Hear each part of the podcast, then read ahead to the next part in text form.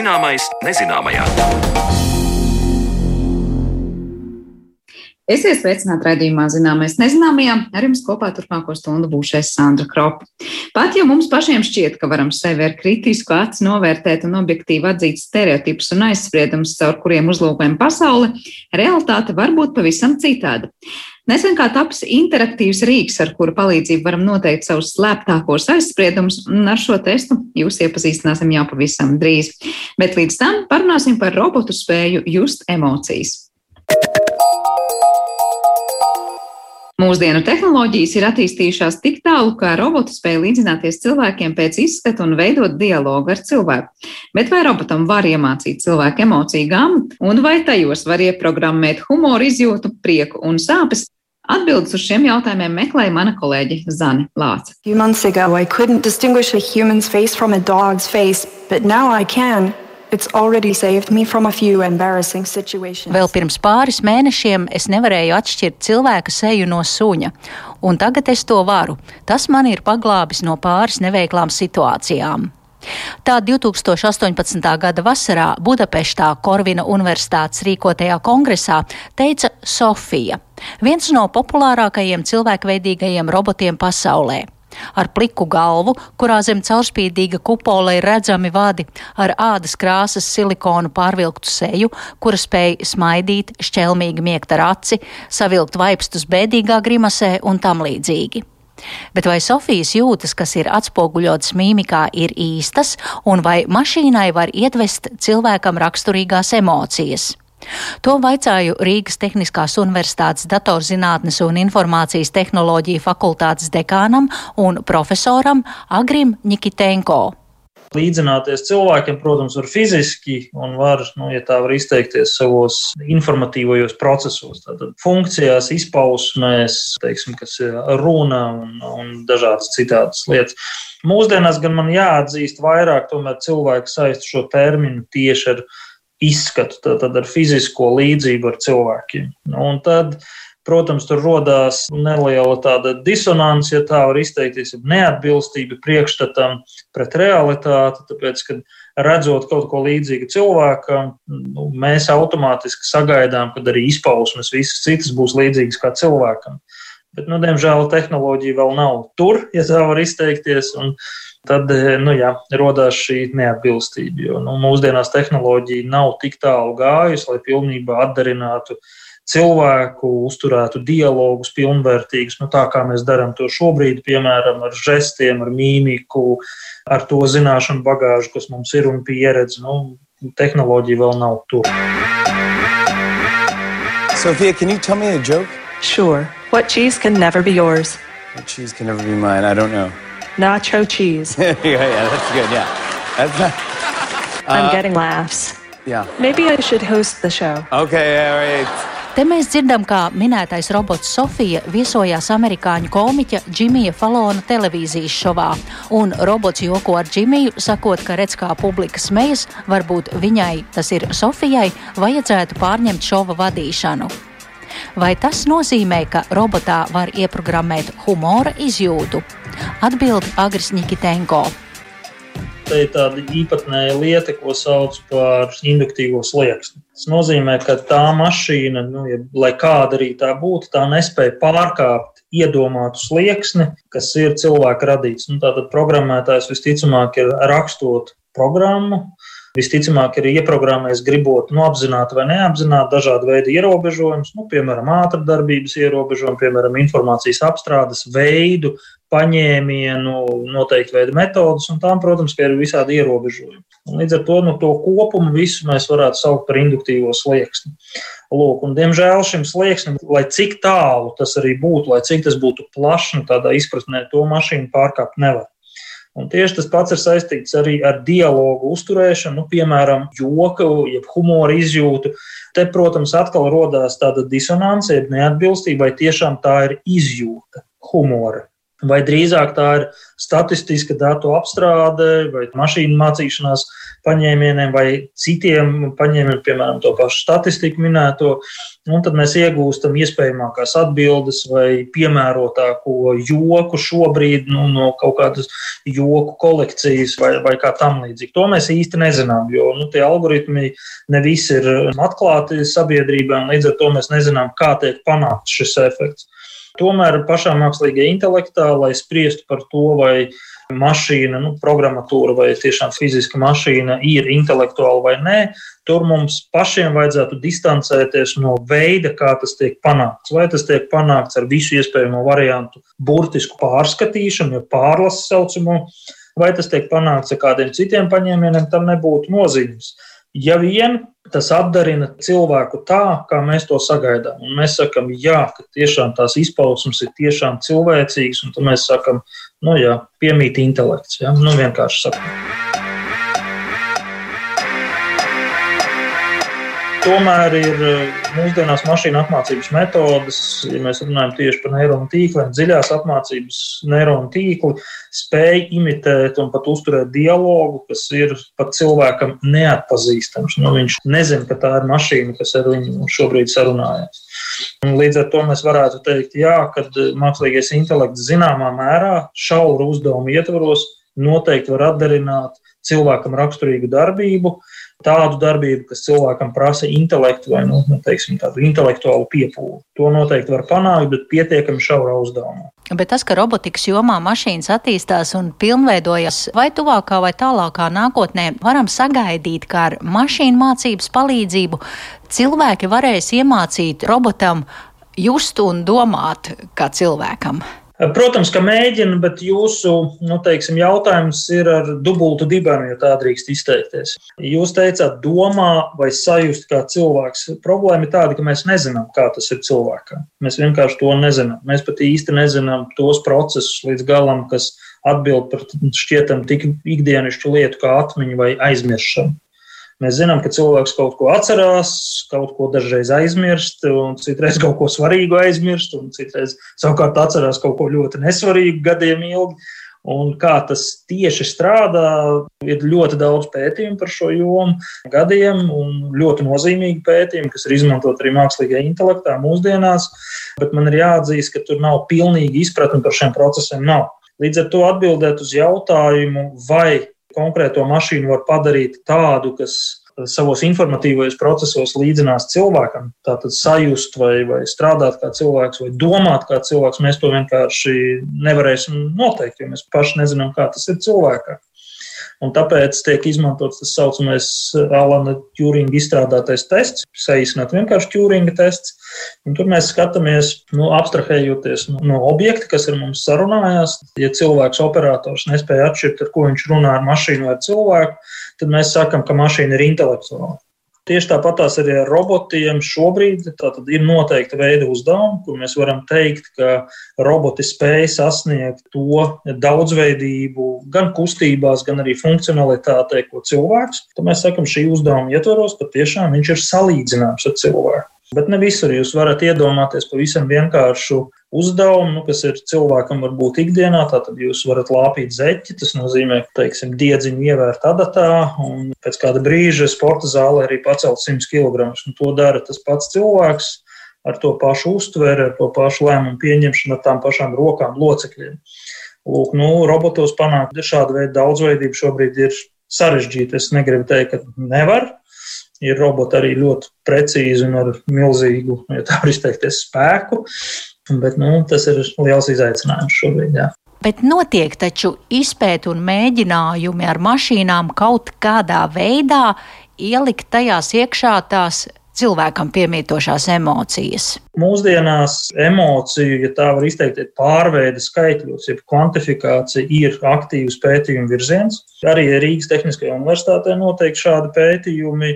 Un man ir jāatzīst, ka tās bāzes emociju atpazīšana, ar dialogu ceļā, bāzes emociju izmantošana, mākslīgu sistēmu izturēšanās un lēmumu pieņemšanas korekcijai, tāda pētījuma ir un to izdarīt var. Bet atkal jau vai tas ir tā kā cilvēkā, es pat nevaru atbildēt, jo es nezinu, kā ir cilvēkā. Nu, mašīnai, protams, nu, ir tie saucamie dziļi viltojuma tīkli. Neironu tīkli, jā, viņi spēj patiešām attēlot konkrētas, atdarināt konkrētas personas emocijas, to izpausmi. Tātad cilvēks it kā runā, pieņemsim, vai tas ir robots vai bilde, nu šobrīd to spēj izmantot ar attēlu, kustīgi, nu, filmiņu faktiski noģenerēt. Un jūs patiešām uztversiet to, ka tas ir dzīves cilvēks un uztur ar jums dialogu, varbūt vai kā, bet pretī ir mašīna.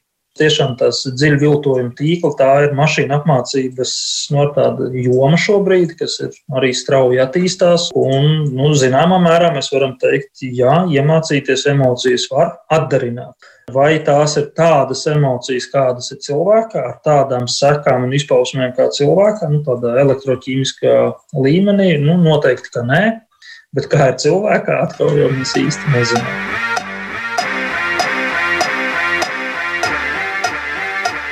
Man te gribētos citēt filozofu un zinātnieku Renē Dekārtu. Jautājums bija, kāpēc cilvēks vēl ar vienu nespēja uzbūvēt kaut ko mašīnu, kas ir līdzinās cilvēkam. Un Renē Dekārts atbildēja ļoti vienkārši. Tāpēc, ka, cilvēks ir daudz vairāk daudzveidīgāks. Tātad viņš ir ļoti, ļoti daudzveidīgs savā izpausmē.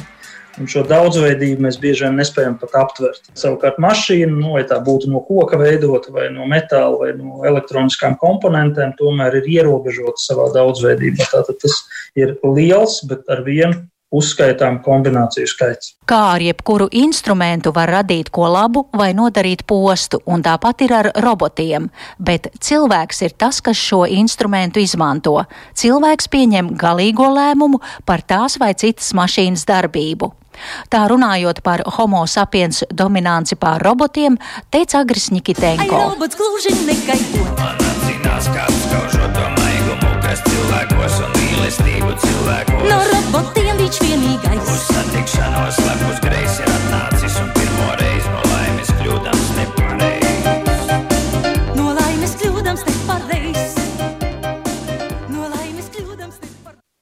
robotu spēju, vai precīzāk sakot, nespēju pārkāpt pāri cilvēku radītajiem slieksnim mašīnu mācībā, stāstīja Rīgas Tehniskās Universitātes datorzinātnes un informācijas tehnoloģijas fakultātes dekāns un profesors Agris Nikicenko, un ar viņu sazinājās mana kolēģe Zane Lāce. Bet raidījuma turpinājumā parunāsim par kādu testu, kas ļauj mums iepazīt mūsu slēptākos aizspriedumus.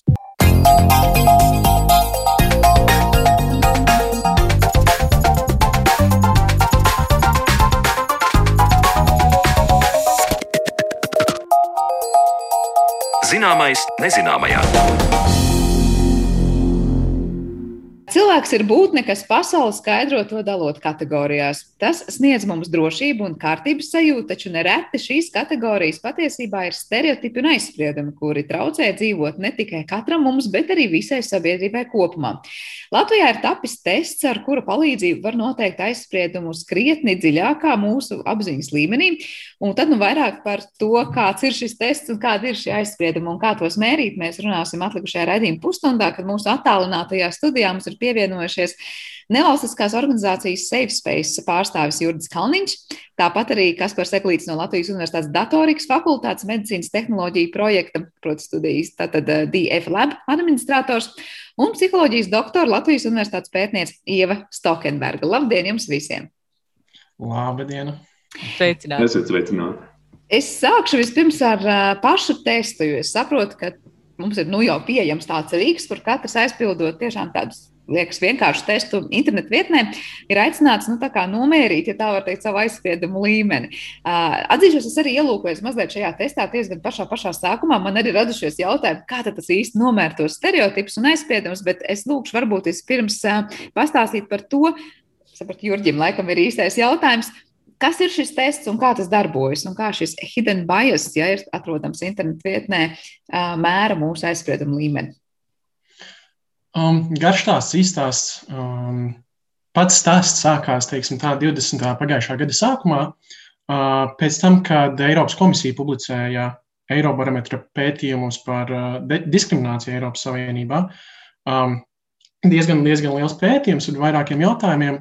Un tajā pašā Eirobarometra aptaujas veidnē bija viens tāds specifisks jautājums, kur uh, respondentiem ir jānorāda, Um, par kuru no nosauktajiem diskriminācijas veidiem, jūsuprāt, diskriminācija mūsu valstī, piemēram, Latvijā, ir izplatīta? Tad es kā, nu, kā, jau, kā jau politikas pētnieks mēģināju padziļinātāk pastīties, kādi tie cipari ir, kas notiek Latvijā, kas notiek pārējās Baltijas valstīs, arī salīdzinot ar Ziemeļvalstīm.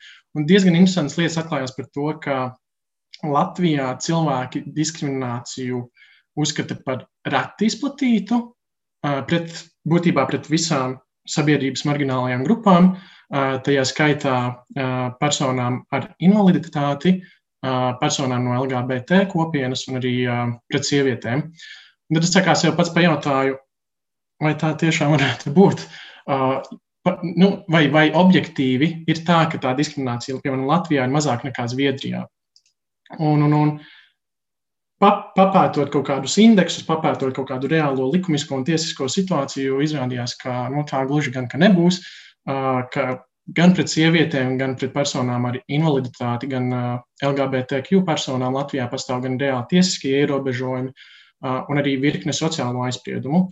Un tad, nu, tad nu, kaut kā paveicās, ka tajā pašā laikā es lasīju vienu interesantu arī grāmatu kognitīvajā psiholoģijā par, par, par šo teoriju, ko mēs izmantojām Hidden Bias mājaslapas izstrādē, kur tieši mats matā bija arī uzsvērts tas, ka ir bieži lietas, kuras mēs nepamanām, bieži, bieži stereotipi un aizspriedumi, kurus mēs nepamanām, kurus mē, kuri mūsos dzīvo, kurus var izmērīt ar kognitīva testa palīdzību. Un tad, nu, nāk, tie, tie, tie dzīvo mūsos, nu ļoti tā kā jau, jau sava pieņemta daļa, mēs tos paši neatpazīstam kā aizspriedums. Ja mēs teiksim, mūsos to nav. Bet kas šajā konkrētajā lapā vai testā precīzāk ir tas, kas palīdz tos stereotipus mērīt? Jo nu, ne, tas varbūt ir pats testa sākums, ko ilustrēšu klausītājiem. Tad tiek parādīts dažādas fotogrāfijas, piemēram, tas ir vīrietis vai sieviete. Ja? Mums ir jāizvēlas, tad vīrietis vai sieviete, tas ir nu, jautājums alga, vai tas ir kaut kas, kas attiecas uz, uz māju un ģimeni vai karjeru un darbu. Mēs to tad liekam kategorijās. Kurā brīdī parādās stereotipa klātbūtne? Jā, um, īsumā tiek, mērīta, tiek mērīts tas, kāda ir atšķirības starp to, ka um, tu mēģini sasaistīt vienu um, kategoriju ar otru. Um, piemēram, ja tev ir uh, nu, tāds um, triviālākais, um, triviālais piemērs, kas ir arī testā, um, ja tu ļoti ātri un ļoti labi spēj atpazīt, um, tad, kad tev ir uz, um, vienu un to pašu pogu jāpasaka, teiksim, ka um, ir uh, sieviete un ģimene. Nu, proti, ka tu, teiksim, ja tev ir jāatpazīst tie stimuli un tu pamanīji, um, ka ir uh, sieviete, tad, un, uh, sieviete un ģimene, tad tu nepieļauj kļūdas, tu to izdari ātri, tev ir nu, viegli to izdarīt. Um, Bet samainot ar vietām, tad, kad tev ir jā, jānorāda, ka tev ir piemēram sieviete un darbs, tev ir nenormāli grūti um, tad visticamāk, um, neatkarīgi no tā, kā tu varbūt tā ārēji varētu par sevi domāt, jo šīs lietas nu, mēdz nesakrist.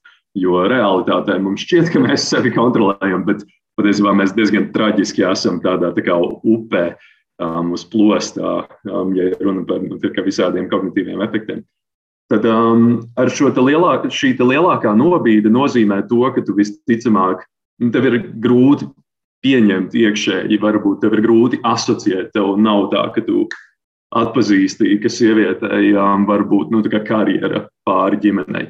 Un, attiecīgi, otrādi, piemēram, nu, ar vīriešiem un, vīriešiem un ģimeni un vīriešiem un karjeru atbilstoši.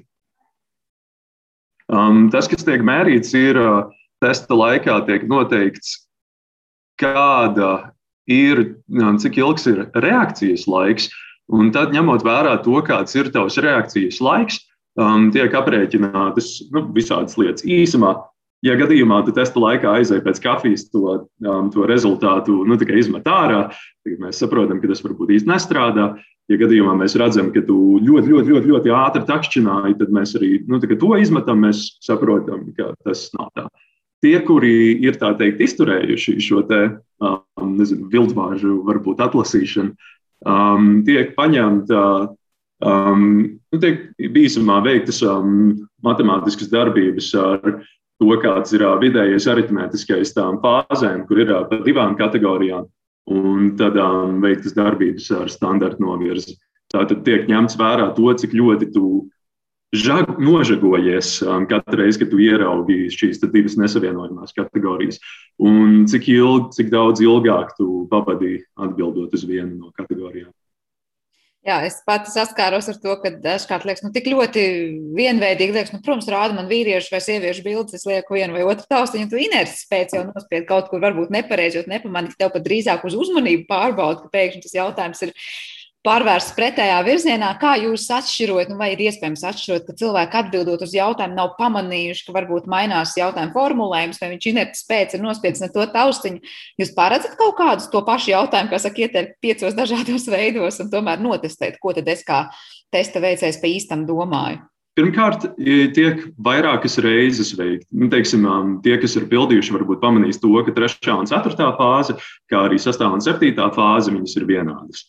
Tad um, īsumā, nu, lai gan tiek ņemti vērā visi rezultāti, un, um, tomēr šie te, um, tajās fāzēs, 4., 3. un 4. piemēram, um, atkārtojas tie stimuli. Um, 3. fāzē vienreiz un 4. divreiz katrs stimuls.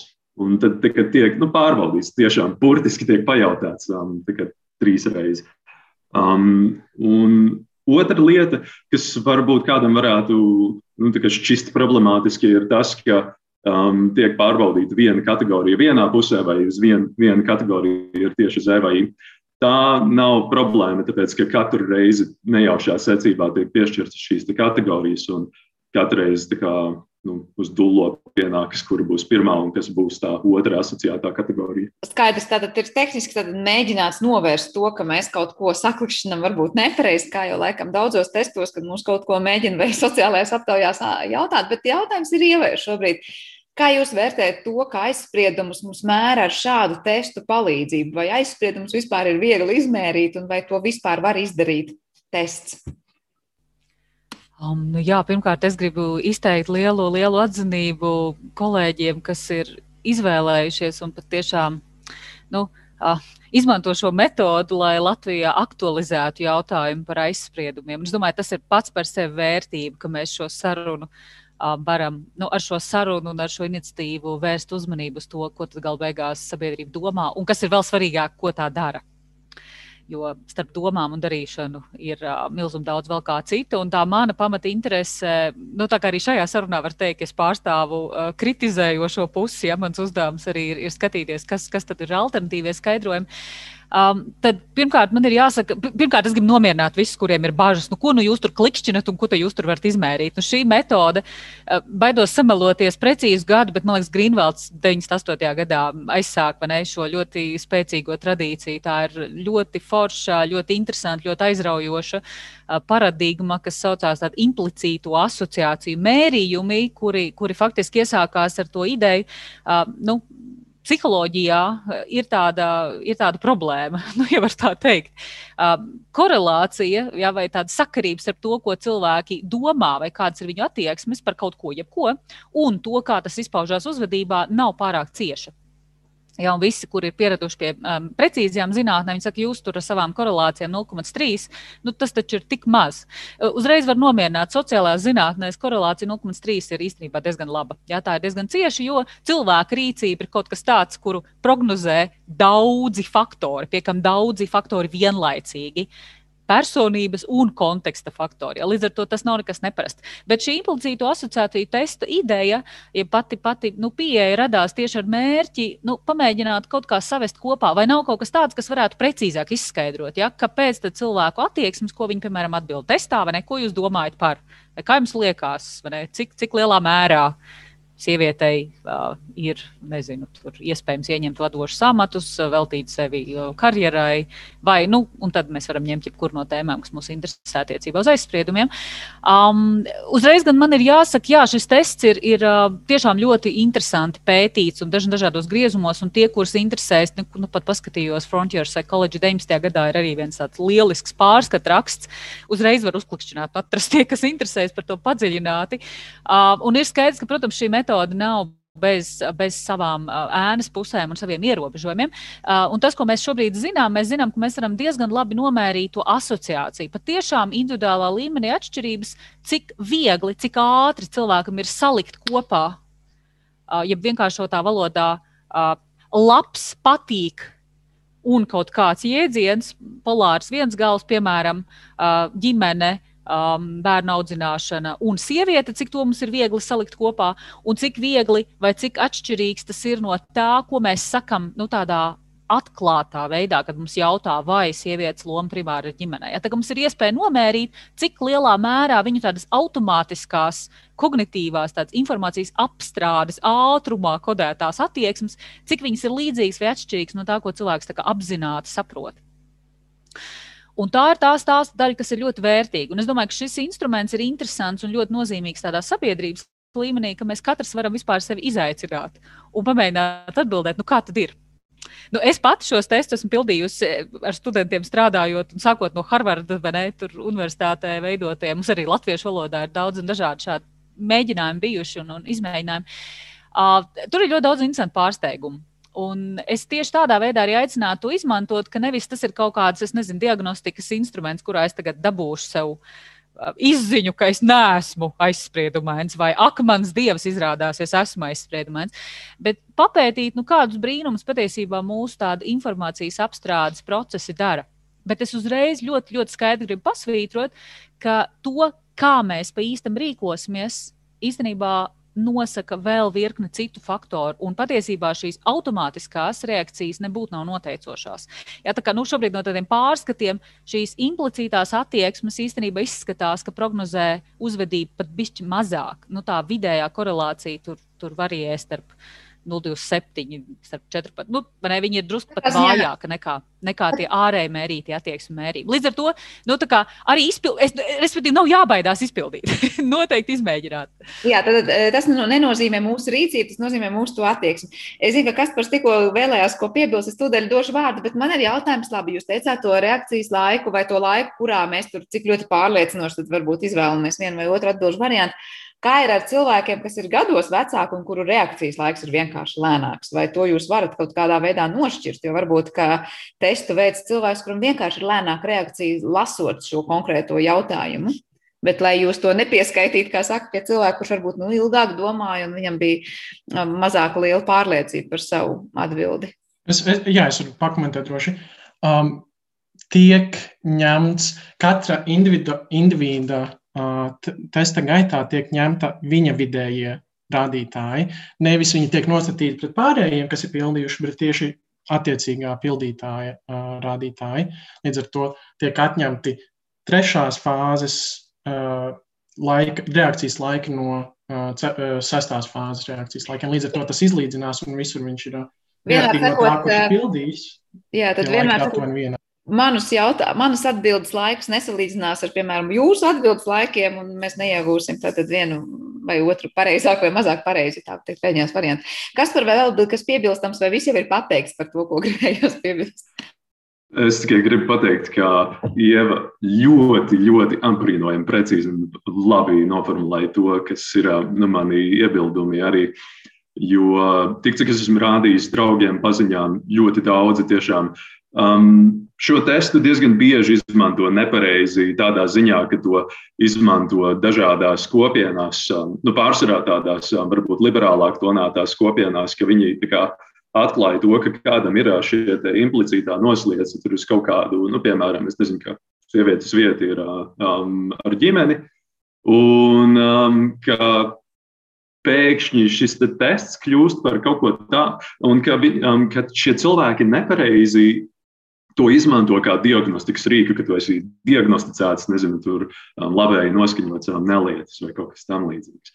Un tam nav nekādas saistības ar šo testu. Un man ir ļoti žēl, ka cilvēki pirmkārt to lieto nepareizi, un otrkārt tik ļoti sāsināti uztver to domu, ka šis tests tika viņiem to mācīt. Um, tas nav tā nolūks. Vai pastāv kaut kāds risks, ka tajā brīdī, kad veido testus, nu, piemēram, mums jau ir kaut kāda izpratne par to, kas ir aizspriedums un kas nav aizspriedums, vai kā ir vai nav jābūt, vai pastāv risks tajā, ka tiek definēts vispār jautājums vai tiek piedāvāta konkrētā bilde, ka tā tiek jau izvēlēta kaut kā, nu, varbūt, es nezinu, vai stereotipiski vai ar kaut kādiem aizspriedumiem. Es nezinu, kuram pirmam dot vārdu Jurģim ar tiem pašiem, ar to pašu stimulu izvēli arī vienmēr ir ļoti interesanti tādā ziņā, ka mēs tieši Hidden Bias mājaslapā aizvēloties stimulus, mēs mēģinājām atrast pēc iespējas kaut ko, kas varētu atbilst tiem stereotipiem, kurus mēs sabiedrībā redzam visvairāk, un tad testēt tos. Jo kas arī, piemēram, datu bāzē mums uzglabājas informācija par uh, reakcijas ātrumu, kas tiek sniegts pret katru stimulu. Līdz ar to, ka mums būs visi dati ievākt, mēs varēsim veikt analīzi par katru, katru stimulu, par katru attēlu, par katru vārdu. Un tad ir arī izprast vairāk, kas ir tie padziļinātie, padziļinātie stereotipi. Jā, varbūt no psiholoģijas puses ir interesanti paskatīties, kā veidot vispār šādus aizspriedumu mērījumu testus, neiekļūt lamatās un pašam jau nejautāt jautājumus tādos aizspriedumu jūgos dzīvojot. Nu jā, nu te droši vien būtu jānošķir divas lietas. Pirmā lieta ir tā, ka mēs taisām mērījumu, lai nomērītu, nu jā, kāds ir mūsu mērķis. Un, un ja mēs gribam uztaisīt mērījumu aizspriedumiem, jeb to, kā cilvēki uh, nu, vairāk vai mazāk spēcīgi izjūt negatīvu attieksmi pret kādu noteiktu jēdzienu kombinācija. Ja, tā ir tā ideja. Mēs nevaram nomērīt tā vispār aizspriedumainu. Mēs varam kaut ko specifisku. Tad mums vajag ņemt stimulus, kas atbilst, kas, kas reprezentē šos stereotipus. Tas nav stāsts ne, par, par nu, mums vajag, lai būtu tā diferencējošā vērtība. Līdz ar to nu, es domāju, ka klausītāji lielākoties, kas mūs klausās, nenodarbosies ar testu konstruēšanu. Bet tie, kas to grib, atvērtais kods īstenībā ļoti, ļoti daudz šajā jomā ir iespēja un pasaulē ir milzīgi daudz šādu iniciatīvu. Tas ir ļoti forši. Galvenais to visu novest līdz publikācijai, lai var pēc tam arī diskutēt par, par to vērtību. Uh, tas, ko es gribētu aicināt, varbūt tajā ot, otrā griezumā, skatāmies, nu, tā, okay, kas ir tas mūsu mērķis. Um, svarīgi ir. Nu, um, tajā kodēšanas procesā, kāpēc es runāju, kāpēc ir svarīgs tas mērķis? Uh, nevelti implicītu asociāciju testu literatūrā ļoti daudz runā, ka ir svarīgi saprast, kas ir tie atskaites punkti, ko mēs ņemam ko tad mēs gribam pierādīt un, vai ko mēs gribam pārbaudīt. Un, tur gan mēs varam nošaut brīnišķīgi visādus greizumus, tad, ja mēs šo atskaites punktu izvēlamies kaut kādu tādu, kurš nu, varētu būt komplementējošs teiksim, kaut kādām mūsu pārliecībām. Nu, viens labs piemērs droši vien ir tajā, viens no maniem mīļākajiem implicītu asociāciju testu mērījumiem ir par to, nu, patikt nav tas pats, kas gribēt. Jā, nu tā ļoti vienkārši sakot. Un, un uh, viens labs piemērs, kas ir, ir savulaik, tas ir mazliet ārpus, bet tas, lai ilustrētu, ka tas, šis, šis tests ir izmantots ne tikai uh, aizspriedumu mērīšanai, bet arī, piemēram, attieksmē pret cilvēkiem par tēdienu. Un, un viens no maniem mīļākajiem piemēriem ir, ka uh, mums visiem patīk augļi. Ja, mēs zinām, ka ēst augļus ir veselīgi. Iepratī um, rafinētajiem cukuriem, saldumiem, šokolādēm tam līdzīgi. Un tad, un tad jautājums ir tāds, ka tad, kad mēs mēram, nu, abols labs, šokolāde netik labs, ja, mēs varam dabūt nu, tādas visādas brīnišķīgas atbildes par to, kā cilvēki gan apzināti saka, ka vajag, gan, gan arī, arī implicīti viņiem tā asociācija ir skaista. Bet tad ir jautājums, kā mēs to sasaistām ar reālo dzīvi. Un tad šeit ir ļoti svarīga lieta, kas ir mērījuma jautājums, kas ir pētījuma dizaina uzbūves jautājums.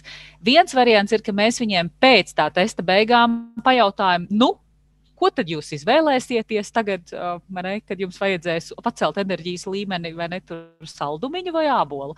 Un cilvēks var pilnīgi otrprātīgi teikt, nu, protams, kā ābols, tas ir saskaņā ar manām vērtībām. Bet citi pētnieki iet tālāk. Viņi vienkārši viņiem saka, paldies, ka jūs piedalījāties eksperimentā, pētījumā, super. Tā kā ir vēl pēcpusdienā, atveriet atvilknīt, jūs varat paņemt vienkārši kaut ko, lai, nu, kā saka, dzīvē sev prieciņu sagādāt. Un tur stāv. Protams, ka ne tieši tie, kas bildītē, bet tomēr augļi un saldumi. Un uzvedības mērījums ir tajā, ko viņi paņem no tās atvilknes. Un šajā eksperimentā parādījās, ka neskatoties uz to, ka viņi implicīti un arī eksplicīti teica, ka āboli ir labāki, viņi vairāk ņem šokolādi. Un tāpēc es domāju, ka tas stāsts un ļoti, ļoti svarīgā ideja ir, ja mēs gribam saprast, kas prognozē cilvēku uzvedību, tad mums ir jābūt ļoti vērīgiem tajā, nu, ko mēs liekam klātiem pētījumiem, ne kā to atskaites punktu ko, ko es taisos darīt, vai, vai kāda ir mana nolūka, vai kādas ir mana paša izvēles, vai kā tas iet kopā ar kaut kādiem maniem reālās dzīves faktiem, ko es daru, kādā veidā mana attieksme izpaužas rīcībā. Ja? Un tā, man liekas, ir pat, pat nu, jā, tā ir svarīga ētiska diskusija gan no pētniecības, gan no praktiskā viedokļa. Bet to jūs sakāt par tiem, kas aizpilda testi, ja, kas katrs aizdomājas, kā tas, ko es tagad noklikšķiniet kopā ar to, ko es reāli izdarīšu, izējot tur uz ielas vai sastopot pirmo cilvēku, nezinu, no tās grupas, pret kuru iespējams man it kā testā nav aizspriedumi, bet reālā dzīvē ir. Es pareizi saprotu. E, es domāju, ka tā ir svarīga tēma, kur aizdomāties ikvienam. Nu, protams, tie, kas to ne, konstruē taisa un grib kaut kādā veidā izmantot, tā, tā ir viņiem automātiski atbildība par to domāt, ko es ar šo informāciju daru. Bet visi tie, kuri kaut kādas intereses pēc vadīt, ieiet šajā lapā un mēģina to aizpildīt, es domāju, tā ir brīnišķīga iespēja nu, sākt domāt, ok, kā tas, ko es domāju un formulēju, kā tas izpaužas manā reālajā rīcībā. Piemēram, es varu būt ļoti uh, nu, liberāls vai, vai, vai savos uzskatos un teikt, ka ikvienam pienākas aizsardzība, bet tajā brīdī, kad manā klātbūtnē kāds stāsta rupju anekdoti par, uh, nezinu, LGBT pārstāvi vai, vai kādu citu, es paklusēju.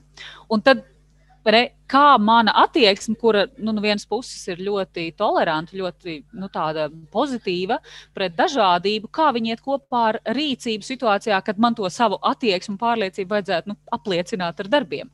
Un te es domāju, ka šis ir ļoti laba diskusijas pamats, ja, ka tā viena pati attieksme vēl neizskaidro to, kas gala beigās būs.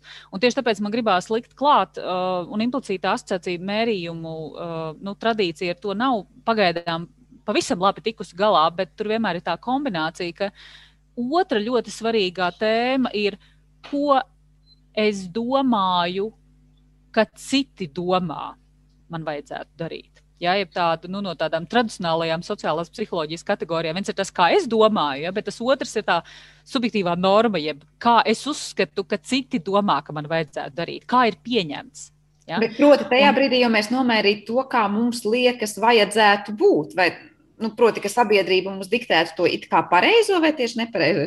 Jā, jā, un, un atkarībā vai viņi diktē vai viņas atbalsta. Tā ir divas dažādas lietas, bet šeit ir tas, tas svarīgais, ka arī šāda veida mērījumi pamazām sāk ienākt implicītu asociāciju. Kā, vai man liekas, ka sabiedrība sagaida no manis, nu, es nezinu, ābolu vai šokolādi, vai, protams, tuvāk realitātei, domājot šīs dienas tematā, vai sabiedrība sagaida, ka es pateikšu, tu zini, šitādi joki ir aizskaroši, vai arī es turpinu garīgi smieties. Jā, bet tas laikam būs ļoti noteicošs no tā, mm, kādā burbulī mēs dzīvojam, vai kas ir mums tā apkārt, tā mūsu sabiedrība, sajūta, kas ir sabiedrība kopumā. Varbūt mēs dzīvojam sabiedrībā, kurā mums apkārt ir ļoti daudz tolerantu cilvēku. Mums liekas, ka visa sabiedrība no manis prasītu šādu rīcību, ja? bet tāpat laikā jautājums, vai tā būtu visa sabiedrība, paliek diezgan atvērts.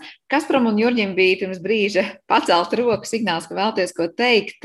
Kas par bija kas piebilstams? Jā, nu, varbūt vienīgais par to sakritību, ar to, kā faktiski ir un par to, kā man šķiet, ka vajadzētu būt. Um, es gatavojoties um, šai um, intervijai arī, um, varbūt diskusijai drīzāk, um, lasīju par to, ka ir kategorijas, kur nu, parasti implicit association test kā tāds nav pārāk labs um, tāds tā pareģojošais um, faktors tam, ka kāds kaut ko darīs. Nu, piemēram, īpaši daudz ir pārspriests ar rasi.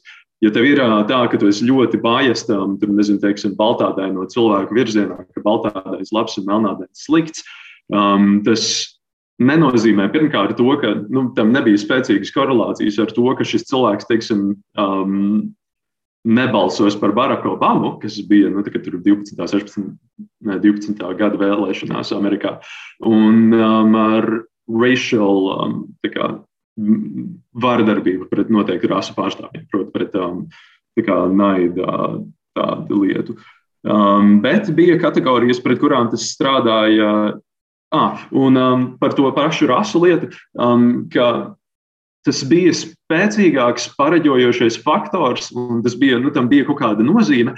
Ja uh, implicītie, um, ja implicītās asociācijas um, kaut kādā mērā sakrita ar eksplicītajām, tas ir, um, ja gadījumā ir tā, ka tu saki, ka, es nezinu, nu, tā kā um, nu, pauda kaut kādus ļoti rasistiskus viedokļus um, tajā aptaujā, kas ir pašās beigās, um, gan izrādās, ka tavi rezultāti ir ļoti angažēti, tad visticamāk, un tas, tā ir daudz spēcīgāka korelācija. Un otrs ir tas, ka um, Izrādās, ka implicīta asociācija tests ļoti, ļoti, ļoti, ļoti labi strādā. Tad, ja tu gribi noskaidrot, um, vai cilvēks der skolu vai pepsi. Līdz ar to tur ir ļoti, ļoti daudz virzienu, dimensiju un kā, kaut kādu kombināciju, ko var paņemt. Un kā izrādās, ka tas tests arī ir nu, katrai no šīm kopām bišķīt citādāk un dažādi spēcīgumi. Tas um, predictor. Uh, Jurģi, bija kas piebilstams? Paldies! Jā. Jā, paldies. Es uh, lielākoties tikai mm, rezonētu, ko Ieva teica uh, par to, ka, manuprāt, pats, pats pirmais, pirmais un galvenais solis pēc tam, kad tu, piemēram, tu kā testa pildītājs saņem rezultātus, un tad ir pateikts, nu, sorry, tev ir vidēji aizspriedumi pret, pret sievietēm vai pret gejiem vai personām ar invaliditāti. Manuprāt, pats pirmais solis ir mēģināt saprast, kaut vai ar šādu pašu testu palīdzību, izprast tos aizspriedumus.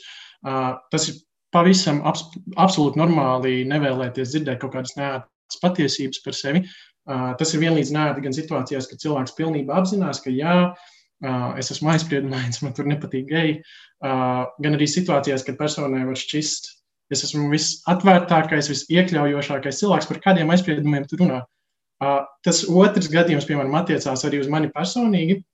Līdz brīdim, kad pats vairāk kārtīgi izpildīju invaliditātes testu, un man izmet rezultāts, ka esmu nedaudz vai vidēji aizspriedumains pret personām ar invaliditāti. Un tad es pie sevis apstājos, oh, oh. ko, ko, ko tagad darīt, ko tālāk darīt. Un tad tas ir tālāk tas jautājums, kā jau teicu, ko mēs, ko mēs ar to informāciju darām. Vai mēs noliekam to maliņā, vai mēs uh, sākam runāt, uh, sākam mācīties, iepazīt cilvēkus, kas ir šo marginālo grupu pārstāvi. Vienmēr tas ir tas lielākais jautājums.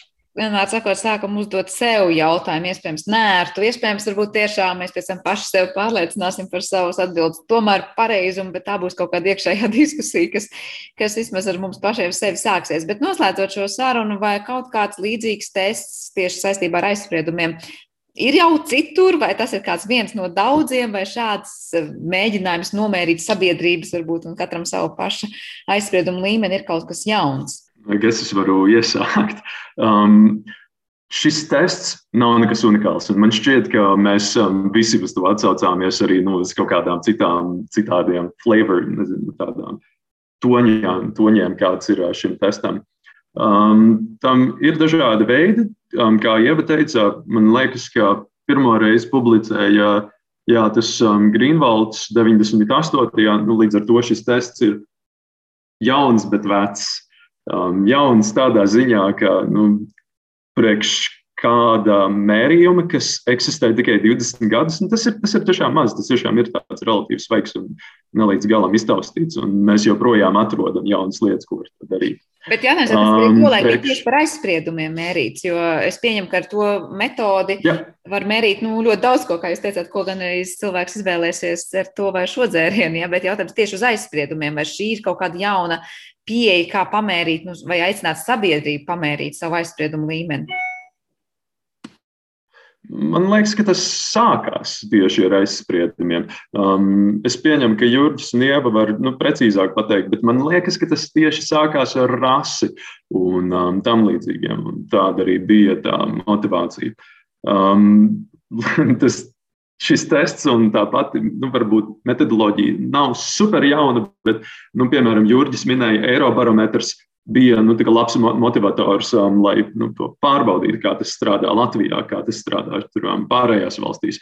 Līdz ar to nu, ir kā, lielos vilcienos varbūt ne tik, bet nu, visādas kaut kādas niansītas un smalkās detaļas tās vienmēr, vienmēr. The devil is always in the details. Mm. Jurģi?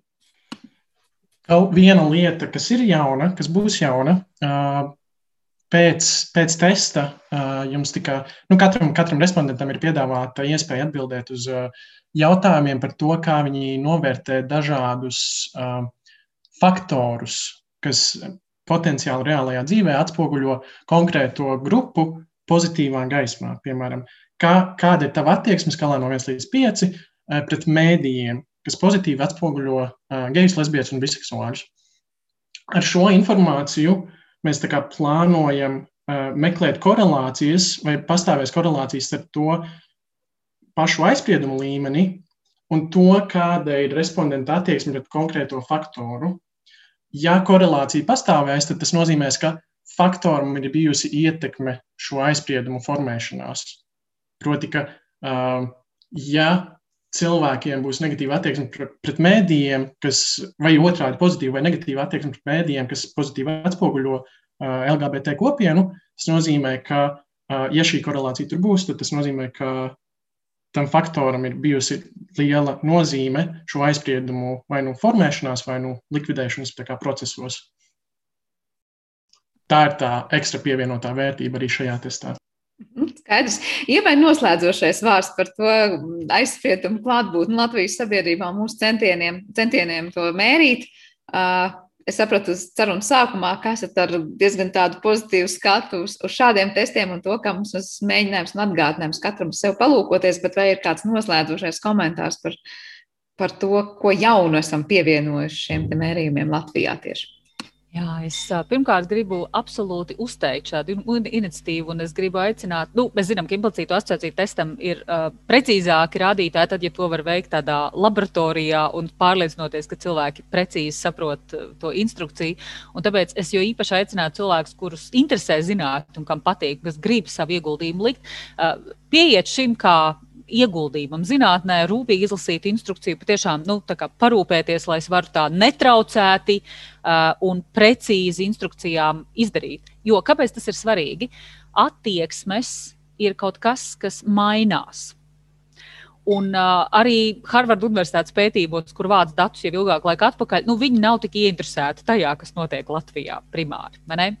Tāpēc mēs paši esam atbildīgi par to, lai mēs monitorētu, kā mēs uh, domājam un izturamies, un arī meklētu jaunus veidus, kā to mērīt pēc iespējas precīzāk. Līdz ar to es aicinātu, uh, jā, šis ir labs ieguldījums tajā, lai mēs patiešām paši to izpētītu, un mans novēlējums, kā vienmēr, ir novediet to līdz publikācijai, lai par to ir iespējams zinātniskā līmenī arī diskutēt. Jā, paldies. Es domāju, ka mēs katrs gaidām, lai, lai kaut kāds tāds mēģinājums būtu novest līdz zinātniskai publikācijai, par kur varbūt būtu gan vietējas, gan arī starptautiskas mēroga diskusijas. Teikšu jums lielu paldies visiem par šīs dienas sarunu un atgādināšu mūsu klausītājiem. Tātad, ka hiddenbias.eu ir šī lapa, par kuru mēs runājam, kurā šo testu ir iespējams katram aizpildīt un tās sevi notestēt, bet eh, par šo sarunu pateikšos Jurģim Kalniņam, tātad nevalstiskās organizācijas Safe Space pārstāvim, tāpat arī Kaspars Eglīts no Latvijas Universitātes datorikas fakultātes bija kopā ar mums, tātad medicīnas tehnoloģija projektu studiju DF lab administrators, kā arī psiholoģijas doktoru un Latvijas Universitātes pētniecības Ieva Stokenberga. Par šo raidījumu parūpējās producente Paula Gulbinska un mūzikas redaktors šai stundai bija Girds Bišs. Ar jums kopā bija Sandra Kropa un teikšu visiem vēlreiz lielu paldies par klausīšanos un uz tikšanos jau rīt.